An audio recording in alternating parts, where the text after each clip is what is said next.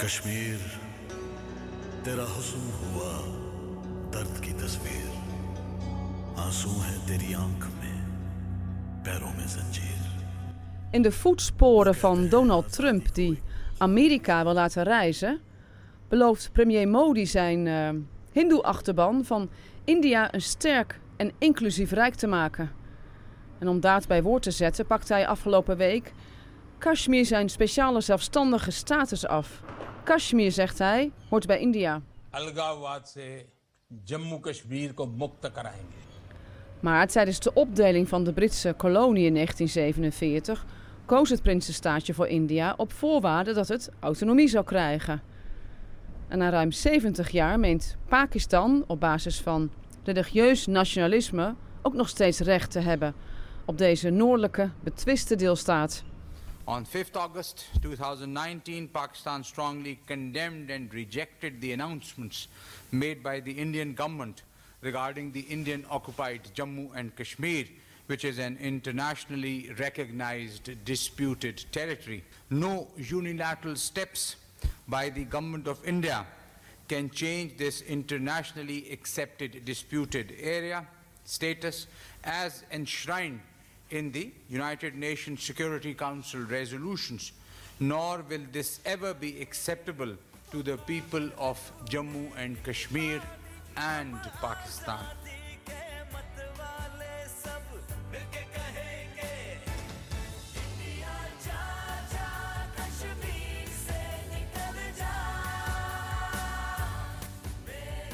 En hier ergens op een bankje in Islamabad zit ik met Soefi-leider Mudassir Shah.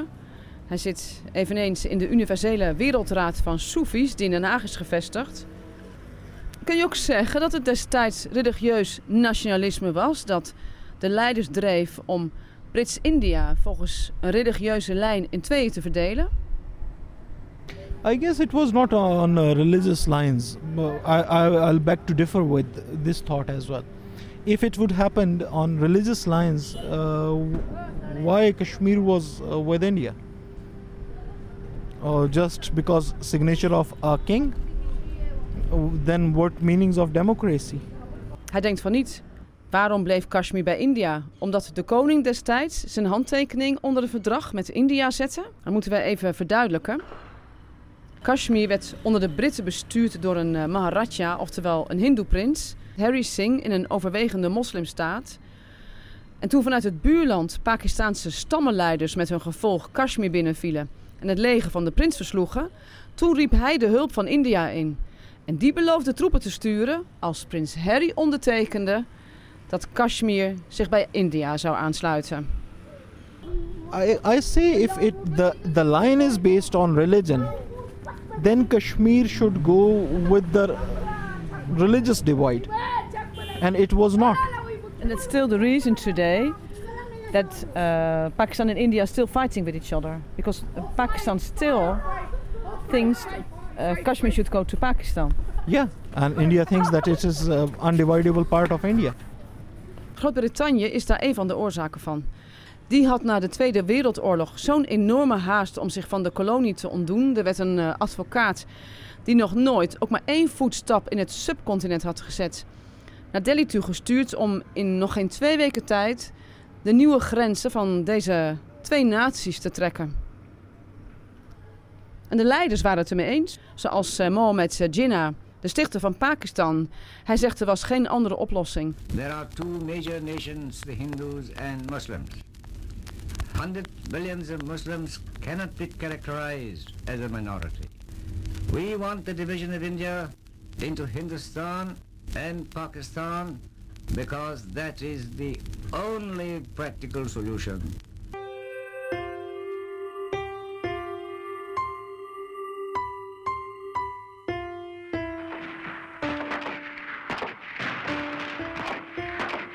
October 1947 considerable parts of the Jammu and Kashmir state have been overrun by raiders from outside, well armed and well equipped, and they have sacked and looted the towns and villages and put many of the inhabitants to the sword.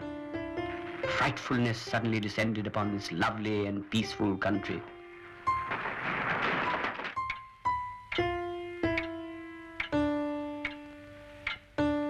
To be fighting side by side with the people of Kashmir against fanatic hordes was a heartening experience which set aside for the moment the memories of communal strife and partition. I trust in this defense we shall give a demonstration to all India and to the world how we can function unitedly and in a non-communal way in Kashmir. Of premier Nehru van India, die vond dat zijn troepen alle recht hadden om uh, de deelstaat binnen te vallen. Maar dat hele religieuze, nationalistische probleem, was het ook niet de schuld van leiders als Nehru, premier van India, en Mohammed Jinnah van moslim Pakistan. En hoe religieus waren beide leiders eigenlijk zelf? I, I cannot judge them that uh, whether they were a real Hindu or a Muslim. I cannot judge them. Uh, but uh, one thing for sure, that they were li- liberal people, and uh, they were political people. The movement was political. The m- movement was more uh, of uh, having one's own space in a bigger scenario. And yes, the sympathies was of being Muslim there. De Soefi-leider vindt nu niet dat het aan hem is om te bepalen wie nu wel een echte moslim of een echte hindoe is. Hij zegt maar één ding was duidelijk. Het waren liberale politici die de religie gebruikten in het stichten van een eigen staat. Op de emoties van hun achterban insprongen. En in de hoop om zoveel en zo groot mogelijke groepen achter zich te krijgen. En terwijl wij hier in eh, de stad zitten te praten, weten we niet eens wat er in eh, Kashmir zich allemaal afspeelt. Het is nu al sinds een week uh, hermetisch afgesloten. Er is geen telefoonverkeer mogelijk. Sinds Modi daar de speciale autonomie in trok. Ook alle onafhankelijkheidsleiders zitten onder huisarrest. Net zoals de bevolking van Kashmir de deur niet uit mag. Wat gebeurt er eigenlijk? The situation is unpredictable. We don't know that massacre happened there, taking place now or will take place uh, tomorrow. De stilte is onvoorspelbaar. Ik weet ook niet wat er zich afspeelt, uh, of het er vreedzaam aan toe gaat, of dat het leger op mensen inschiet. Er komen wel videobeelden naar buiten van demonstraties, die overigens weer door de regering in Delhi worden ontkend. Daar wordt gezegd het is rustig. Anger on the streets of Pakistan. Here, nationalist supporters furious at events in Kashmir call for revenge against India. Er wordt al gesproken over een religieuze zuivering. I guess yes, uh, it is his political policy and uh, commitments he made before elections that he will change the demography of Kashmir, and now he is changing the demography of Kashmir. And uh, if it uh, takes place, then it will be a challenge not only for the region uh, for security, but the world for security, because two nuclear states they are sitting uh, next door to each other fighting for a piece of land and uh, millions of people. And uh, unfortunately, or God forbid, if uh, out of those 230 nukes, if they uh, use three nukes, the consequences will not only for this piece of land, but the consequences will be uh, bared by London to Washington. Everyone will be involved. Even Sydney is not far, far away. En volgens het uh, religieus nationalisme van premier Modi moet dus Kashmir een deel van India zijn. Um, en hij zal zoveel mogelijk Hindoes naar Kashmir sturen, zodat de moslims een minderheid worden. Want tijdens de verkiezingscampagne beloofde hij dat hij de demografie van Kashmir ook zou veranderen. En als dat werkelijk gaat gebeuren, dat betekent dat Kashmir voor Pakistan voorgoed is verloren. Er zitten wel twee kernmachten vlak naast elkaars deur. En als er één raket afgaat, is daar wel de hele wereld bij betrokken. We praten verder over Kashmir, inmiddels het langst slepende conflict op aarde met ook de grootste militaire troepenmacht. Er wordt gesproken over 700.000 soldaten. Beide landen hebben ook nog eens een derde van hun legers aan weerszijden van elkaars grenzen opgesteld. En wat doet de internationale gemeenschap? Want in 1947 was de bevolking van Kashmir wel een referendum eh, toegezegd. The Secretary General also recalls the 1972 agreement on bilateral relations between India and Pakistan, also known as the Simla Agreement, which states that the final status of Jammu and Kashmir is to be settled by peaceful means in accordance with the Charter of the United Nations.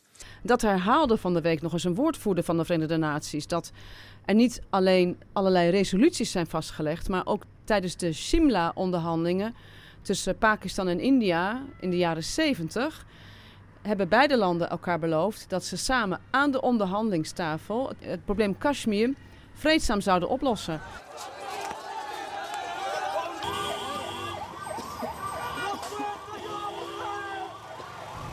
We are responsible because what did the United Nations do?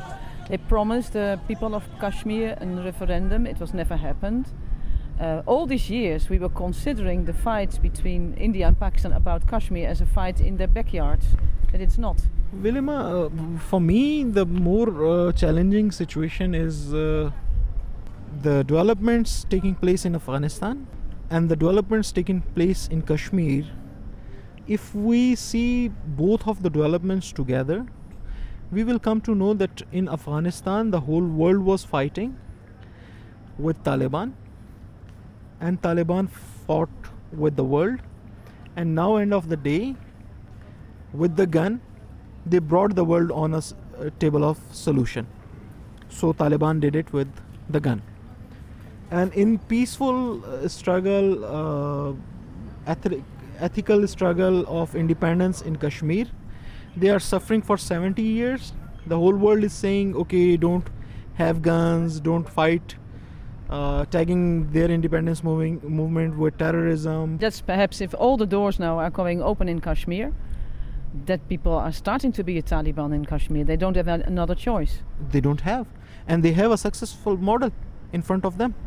That in the fight of 20 years now, America is doing everything to settle the issue with Taliban because Taliban continuously fight it. Hier in de regio waar ik nu ben, zeker in eh, Pakistan, vindt men toch dat de wereldgemeenschap Kashmir jarenlang heeft afgedaan als een gevecht in hun achtertuin.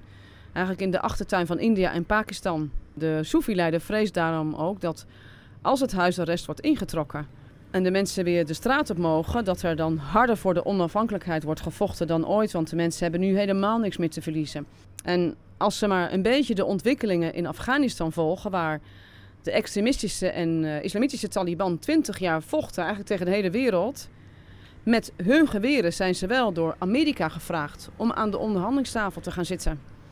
In Kashmir wordt al 70 jaar op vreedzame manier gestreden en daar is Amerika nog nooit binnen geweest of heeft vrijheidsstrijders uitgenodigd om te komen praten over een eh, oplossing. Dus zegt de Soefi-leider, wat is eigenlijk de boodschap die Amerika de Kashmiris geeft? Alleen met terroristen wordt gesproken, dan krijg je dus wel de aandacht van de wereld? Maybe the youth of Kashmir will this, conceive this message. Maybe uh, fundamentals are there. So now they have a uh, they have a very uh, beautiful catch for recruiting and engaging young generation. From religious nationalism to religious extremism to terrorism. maybe they will not uh, engage them on the name of religious terrorism, but they can engage them on the name of religious freedom fight. Wat gaat de jeugd in Kashmir doen? Ze zijn fantastische prooi voor verschillende fundamentalistische bewegingen. En hij voorspelt dat de nieuwe golf van geweld dit keer zich niet in de achtertuin van Pakistan of India zal afspelen, maar dat het gevolgen heeft voor de hele regio en misschien ook wel voor de hele wereld. It will it will impact Kashmir. It will impact Pakistan. It will impact anywhere uh, where the people are related with religious extremism.